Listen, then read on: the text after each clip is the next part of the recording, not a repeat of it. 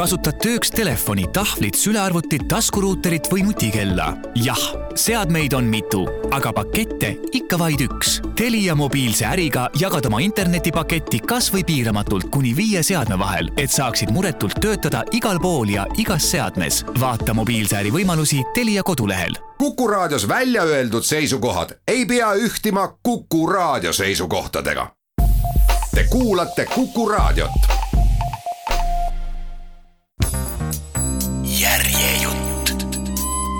Simon Reeve sammhaaval kirjastuselt tänapäev.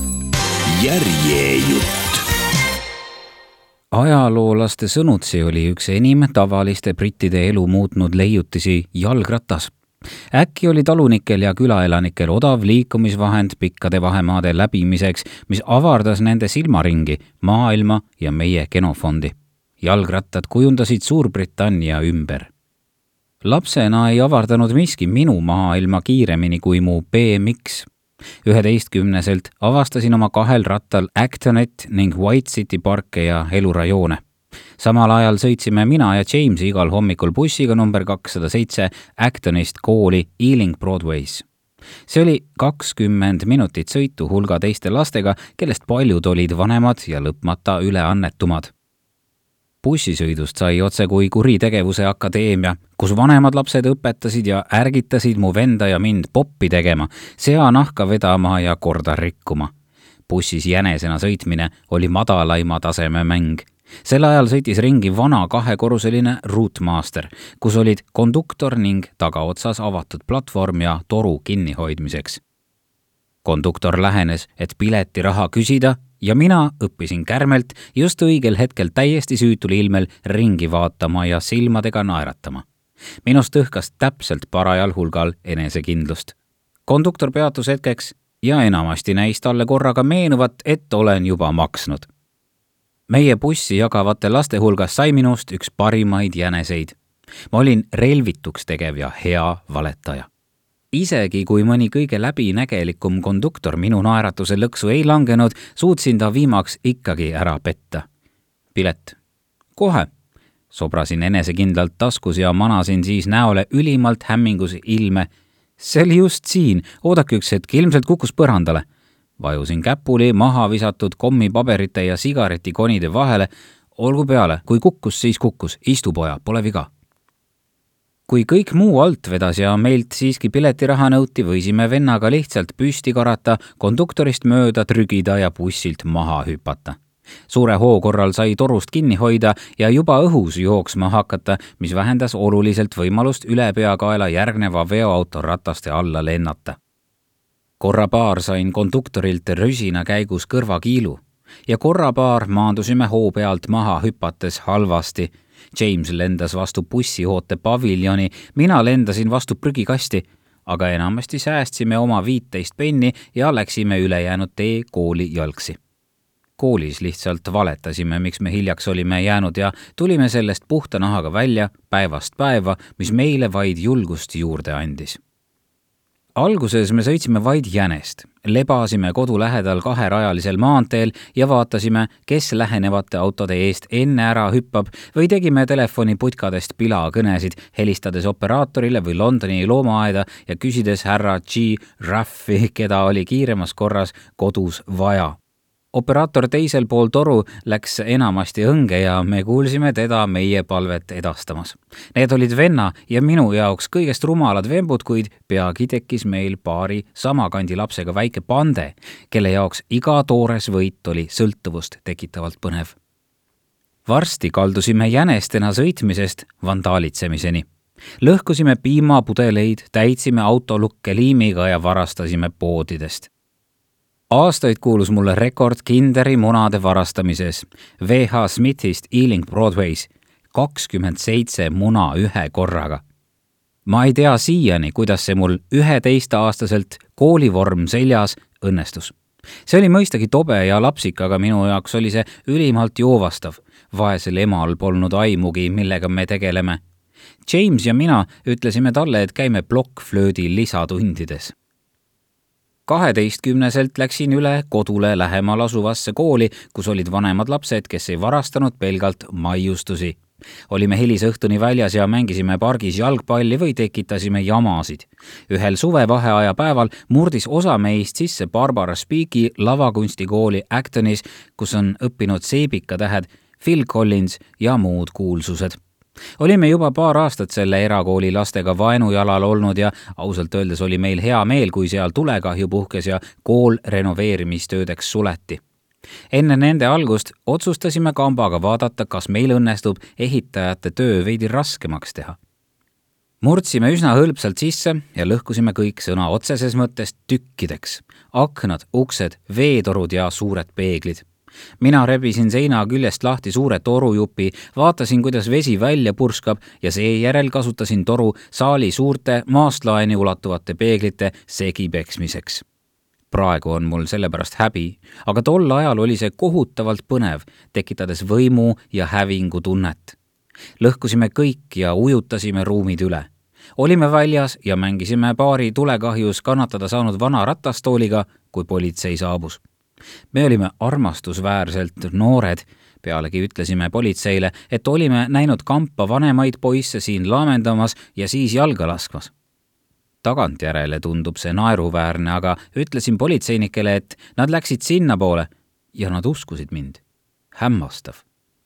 Läksime mitu korda tagasi, et teha veel hullemat laastamistööd ja teised lastekambad tegid sama viimaks õnnestus mul leida täiskohaga töö H. Samueli juveelipoes Oxford Circusel. ütlesin üles osakoormusega töö kaubamajas ning läksin kohale agar ja ootusärev, et hakata müüma käekellasid ja kõrvarõngaid kohe esimesel tööpäeval teatas juhataja, et on üks kaljukindel paindumatu reegel. mitte kunagi ei tohi seifi võtmeid koju kaasa võtta olin pärast pikka päeva metroos teel koju Actonisse, kui avastasin oma taskust terve võtmekimbu. kahtlemata oli see kõige lühem karjäär jaekaubanduses. Läksin hommikul tagasi ning jahmunud juhataja vallandas mu jalamaid.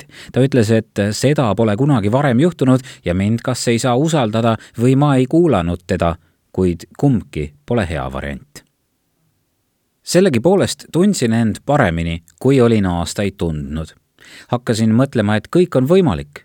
kui ma polnud uuskasutuspoes või töökeskuses, olin Westminsteri raamatukogus ning sirvisin tööd, otsides ajakirju ja ajalehti ilmselt olin lugenud midagi, mis tekitas minus huvi luure vastu, arvatavasti Peter Wrighti Spycatcherit, sest äkitselt otsustasin, et mulle täitsa meeldiks töötada MI kuues Läksin sel ajal salajasse MI6 peakorterisse isegi kohale.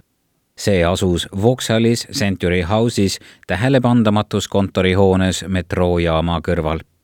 kujutage ette, kulunud teksapükstes ja odavas nahkjakis teismeline uitab sisse salaluureteenistuse peakorterisse valveadministraator heitis mulle paksu pleksiklaasi tagant korraks pilgu ja vaatas siis uuesti tema selja taga seisis politseinik, püstol kuulipilduja käes. tema ilme ütles kõik. mida kuradit sina tahad? tere, sõnasin administraatorile e,. ma tahtsin uurida, kas mul oleks võimalik mõnele töökohale kandideerida. kuidas palun? ma mõtlesin, kas mul oleks võimalik mõnele töökohale kandideerida, mõnele teate küll, ja ma nõjatusin ettepoole ja sosistasin MI kuue töökohale ta jõllitas mind, suu pisut lahti, üritades aru saada, kas ma räägin tõsiselt. siis hakkas ta pead raputama. ei, ütles ta hästi aeglaselt. ei, ei, asjad ei käi üldse nii. Te peaksite pöörduma Välisministeeriumi. aa, olgu, vastasin rõõmsalt, heites pilgu politseinikule. Lähen räägin siis nendega praegu paneb sellele mõtlemine mind õlgu väristama.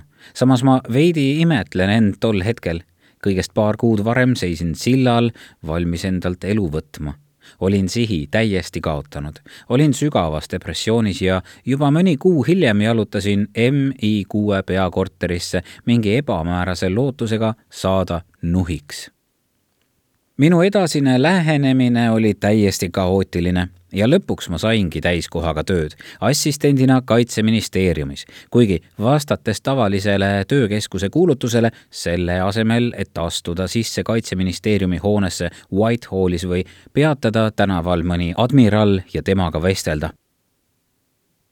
Olin seda tööd alustades nii närvis, et esimesel päeval sinna minnes veetsin suurema osa teest oksendades pidin allkirjastama riigisaladuste hoidmise kohustuse ja seejärel määrati mind ametisse Earl Courtis Empress State Buildingus asuvasse salajasse osakonda, mis tegeles tuumalaevastiku ja maapealse juhtimiskeskuse vahelise sidega. see kõlas tähtsalt, ent siis juhatati mind kabinetti, kus pidin tööle hakkama mind lukustati väiksesse ruumi koos kolme hallipäise ja hallinahkse keskeas mehega ning minu ülesanne oli teha dokumentidest koopiaid. tuhandeid, lõputult. iga kord, kui koopiamasin põrises ja klõpsatas, pandi koopia lukustatud seifi tuletõkkekardinate tõttu polnud kabinetis loomulikku valgust, kuigi olime kõrgel korrusel ja turvameetmed olid nii ranged, et kui tahtsime minna WC-sse, pidime helistama vastuvõtulauda. seejärel avas keegi ukse ja eskortis meid tualetti. tahtsin väga teha päris tööd, aga pärast tunni aja möödumist sain isegi aru, et läheksin seal nädalaga hulluks lõuna ajal tehti uks lukust lahti ja mind saadeti lifti juurde, et saaksin minna välja võileiba sööma. hiilisin nurga taha, hüppasin metroorongile ega läinud kunagi tagasi. see tekitas omajagu furoori. olin veetnud hommiku salajasi dokumente kopeerides ja kadusin seejärel jäljetult päev hiljem ilmusid mu vanemate ukse taha kaks erariietes meest ja ütlesid, et on Kaitseministeeriumi julgeolekuosakonnast kuulsin neid uksel emaga rääkimas. kas te teate, kus on teie poeg, proua Riiv? meil on väga vaja ta üles leida. ema püüdis mulle aega võita ja pobises midagi selle kohta, et ma võin väljas olla.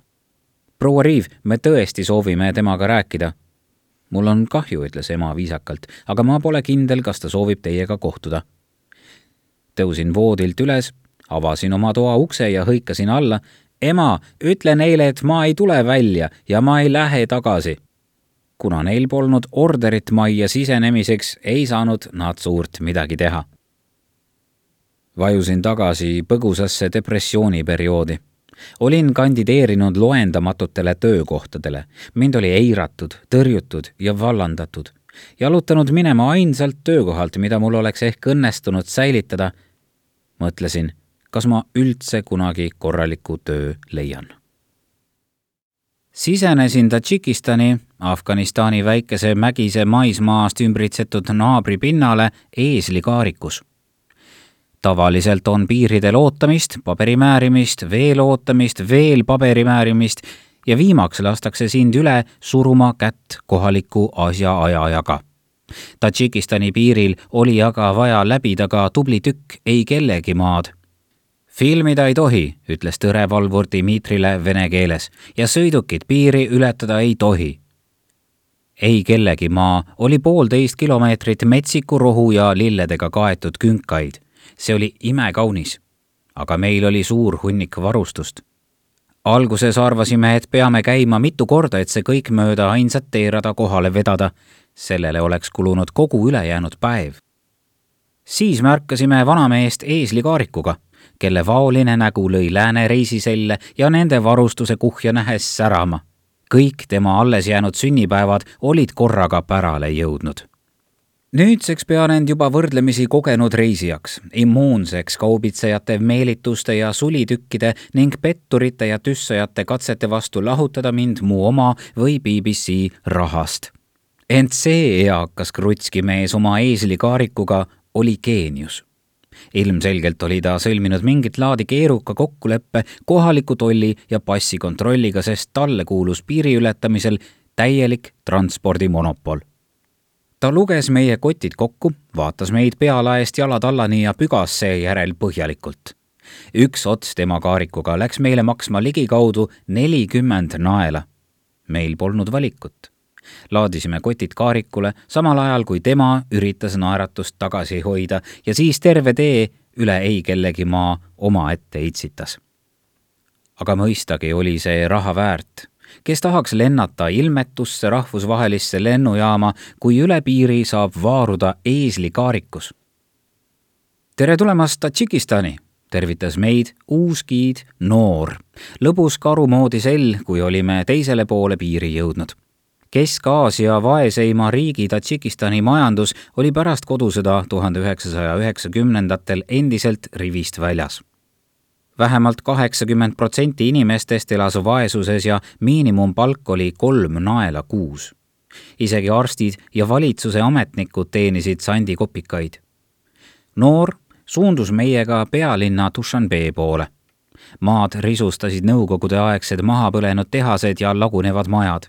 bensiini müüdi tee ääres vanades klaaspurkides refräänina kõlas seisukoht, et Nõukogude võimu all polnud elu kunagi nii halb korruptsioon oli Tadžikistanis tavaline. teed ja muu infrastruktuur olid kohutavad ning hotelle või võõraste maju oli väga vähe. meile oli korraldatud majutus ühe välisministeeriumi ametniku kodus ta oli aidanud meil saada viisad riigi külastamiseks ja load seal filmimiseks ning me mõtlesime, et ta osutab meile teene ta ütles, et loovutab sageli oma kodu külalistele ning pärast pikka sõitu ja sündmusrikast piiriületust ootasime kannatamatult ööd, et mugavalt puhata. kui maja juurde jõudsime, juhatas ametnik parasjagu oma perekonda välja. Neil olid käes prügikotid vara natukesega. lapsed nutsid. Vaevalt see teile meeldib, ütles noor. kas olete kindlad, et soovite siin peatuda? ja, ja ütlesin elavalt. hea, kui näeme mõnda maja seest ja saame ettekujutuse, kuidas inimesed siin päriselt elavad.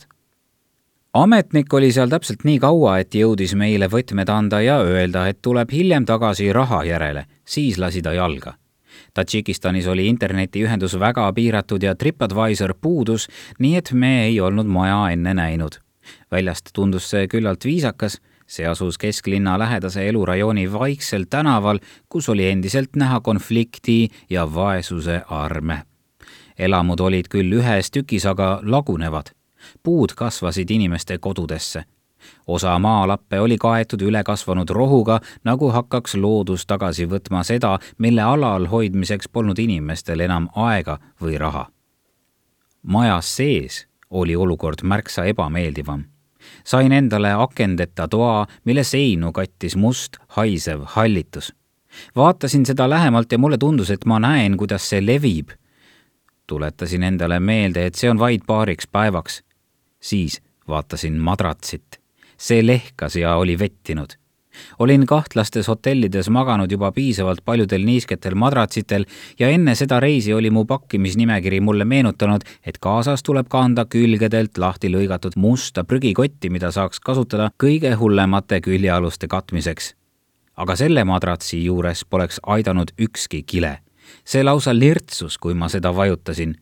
madratsi pinnale ilmus väike loik tõmbasin ninaga, aga ei saanud aru, millega tegu määramatu vedelik, ütlesin endale, võib-olla kehalist päritolu, raske öelda, aga vahet pole, võin ka põrandal magada. see võib kõlada veidi imelikult, aga veidral kombel tunnen uhkust, et olen saanud magada kümnetes võõraste majades ja hotellides, kus ei tunta muret isegi keskaegsete hügieenistandardite pärast. Igal ränduril peaks olema vähemalt paar lugu hädast ja viletsusest, see on osa seiklustest Läksin toast välja meie ühise kraanikausi juurde. keerasin kraani lahti ja kuni tumepruun vesi pikkamisi selgeks muutus, vaatasin, kuidas kaks üüratut prussakat kas paarituvad või kaklevad. tegin sammu tahapoole ja astusin tellise suurusele rotilõksule, milles oli söödaks tükike rääsunud juustu Somaalias polnud endiselt päris valitsust, selle asemel olid sõjapealikud, kes valitsesid oma territooriume. kaosele ja vägivallale vaatamata tunnustati seda toimiva riigina ja see kuulus ÜRO-sse. kannatused Somaalias olid õudsed, kuid minu reisi tegelik siht oli Somaaliast eraldunud Somaalimaa põhjas sealne olukord pidi olema võrdlemisi stabiilne ja turvaline, aga ükski teine riik maailmas ei tunnustanud Somaalimaad tõelise riigina Somaalia anarhilise olukorra illustreerimiseks sukeldusime sügavale turule. Ajoos läks kõige ees Ian ja mina tulime sabas, püüdes temaga sammu pidada. kuna teiste jõukude relvakandjad põrnitsesid meid hämmingu või kahtlusega, üritasin etendada lõbusat inglast välismaal. ei mingit ähvardust ega varjatud plaani. Ajoos juhatas meid mööda kitsaid vahekäike turuserva poole mööda logudest müügilettidest ja kioskitest ning meie rühm ja ihukaitsjad hakkasid laiali valguma. hakkasin mõtlema, kuhu me küll läheme ja hetkeks lõi mu usaldus Ajoosi vastu kõikuma. siis jõudsime väikese maja juurde, ihukaitsjad võtsid selle ees kohad sisse ning Ajoos juhatas meid majja seal tutvustas ta meid mehele nimega Mr Big Beard, kes müüs passe nii et olete otsustanud somaallasteks hakata, naeris Mr Bigbeard, kes oli oma juuksed roostekarva oranžiks värvinud. siin polnud valitsust, puudus paberimajandus, ei eksisteerinud reegleid peale nende, mis kehtisid tänavatel ja relvaähvardusel. ometi oli see riik rahvusvaheliselt tunnustatud ja ometi reisisid siinsed inimesed välismaale ministeeriumi asemel külastasid kõik, kel oli raha passi saamiseks Mr Bigbeardi taolisi mehi. ta oli sõjakaose ajal ametlikust passiametist päästnud virnade viisi passe ja pitsateid. ta küsis minult viiskümmend naela ja veerand tunni pärast oli mul ehtne Somaalia diplomaatiline pass, sees minu nimi ja foto. mõistagi ei kontrollitud midagi, ei küsitud isegi sünnitunnistust see pass on mul ühe veidraima reisilt saadud suveniirina siiani alles. ööseks läksime võõraste majja, mida meie relvastatud saatesalk valvama jäi. sellel oli oma relvaladu ja selle keskel asus siseõu ümbritsevatele tänavatele avanevates tubades oli tänavapoolsete seinte äärde kuhjatud mööbel algeliseks kaitseks granaatide eest. aga see ei tähendanud siiski, et me ohu eest päriselt kaitstud olime katkisest pesast pistikut välja tõmmates puudutasin kogemata juhtmeid. elektrilöök heitis mu teisele poole tuba. mul oli tunne, nagu oleks mu käsi jäänud tihkelt kokku surutud kruustangide vahele. Nende haare liikus mööda keha edasi ja peatus napilt enne südant. värisesin ja tundsin iiveldust, mu käsi oli mitu päeva valus veetsin unetu öö, mõeldes, mida kuradit ma teen kohas, kus isegi lihtne pistikupesa mind tappa üritab järgmisel hommikul viisid ihukaitsjad meid katat ostma. terves Mogadishos valitses kaos, aga teeäärsetel lettidel müüdi endiselt värske kata, kerget joovet tekitava amfetamiini sarnase erguti kimpusid. kata toimis ka söögiisu pärssivana, mis Ajosi sõnul oli kasulik, kui toitu nappis kata pakitakse väiksesse kimpu ja seda mälutakse.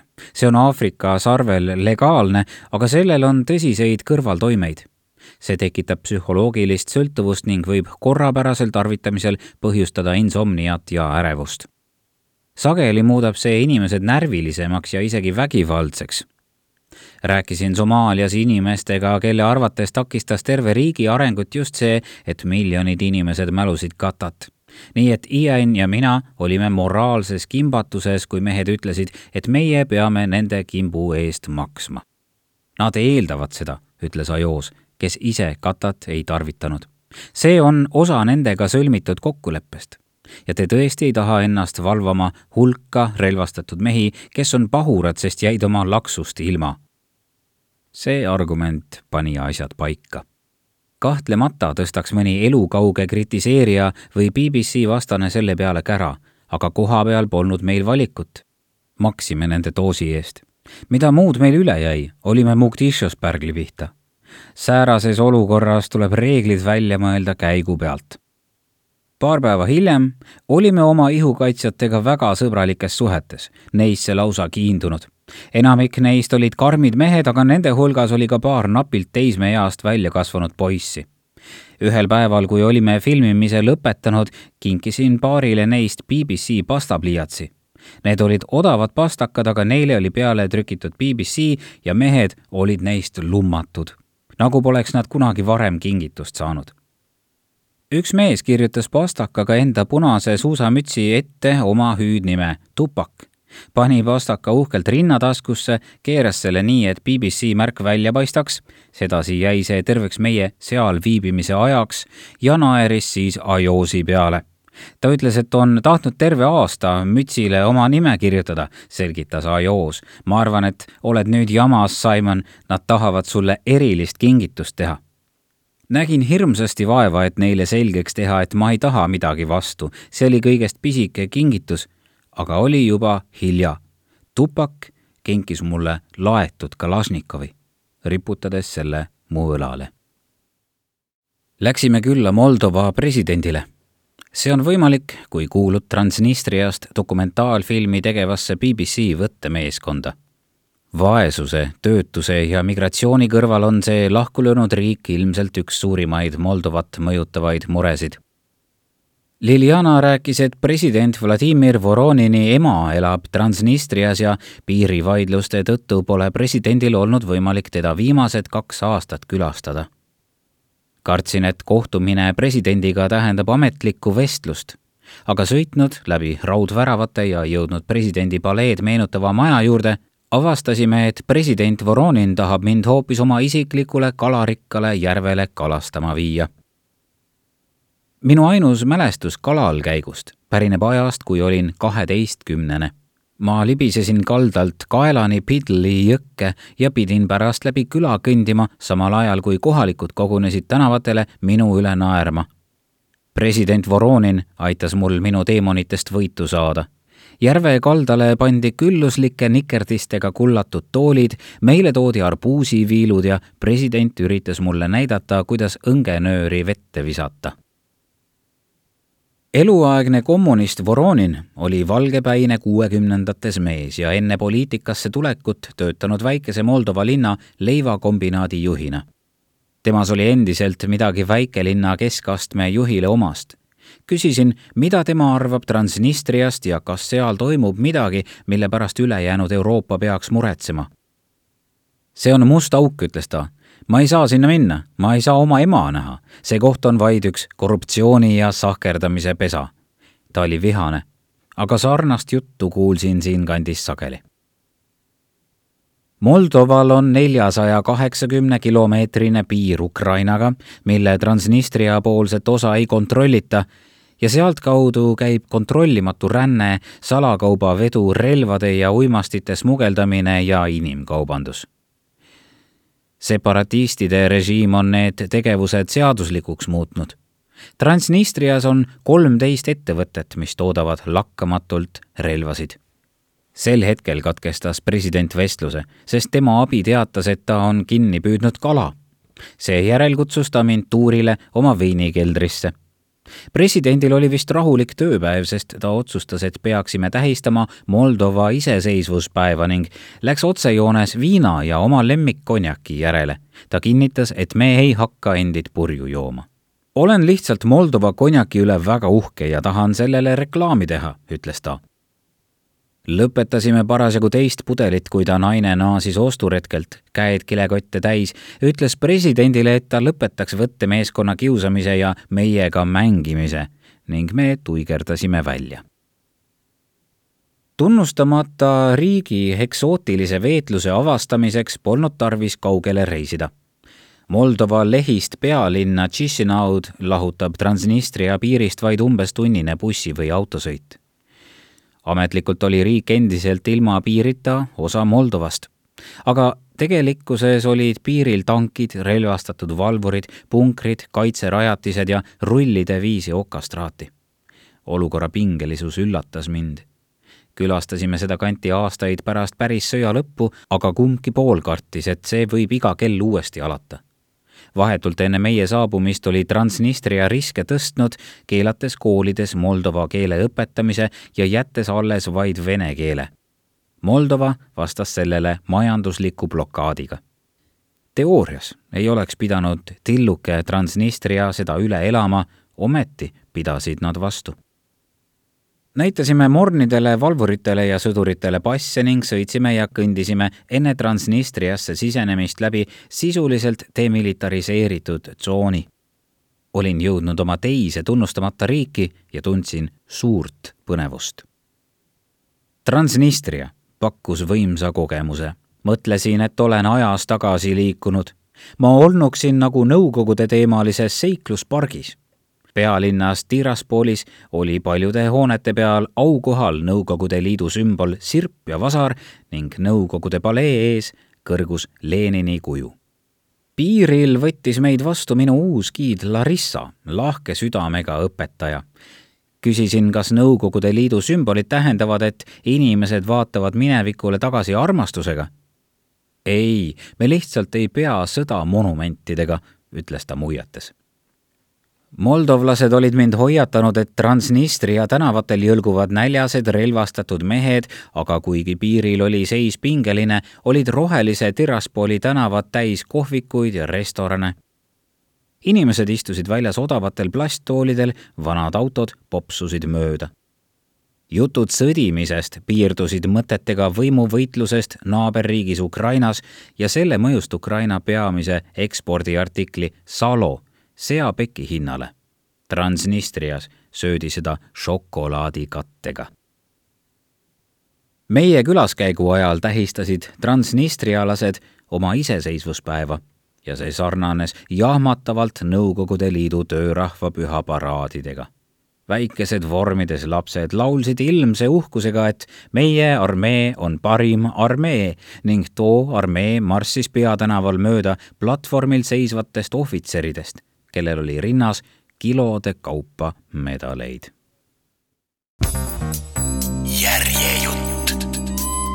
Simon Reeve, sammhaaval, kirjastuselt tänapäev. järjejutt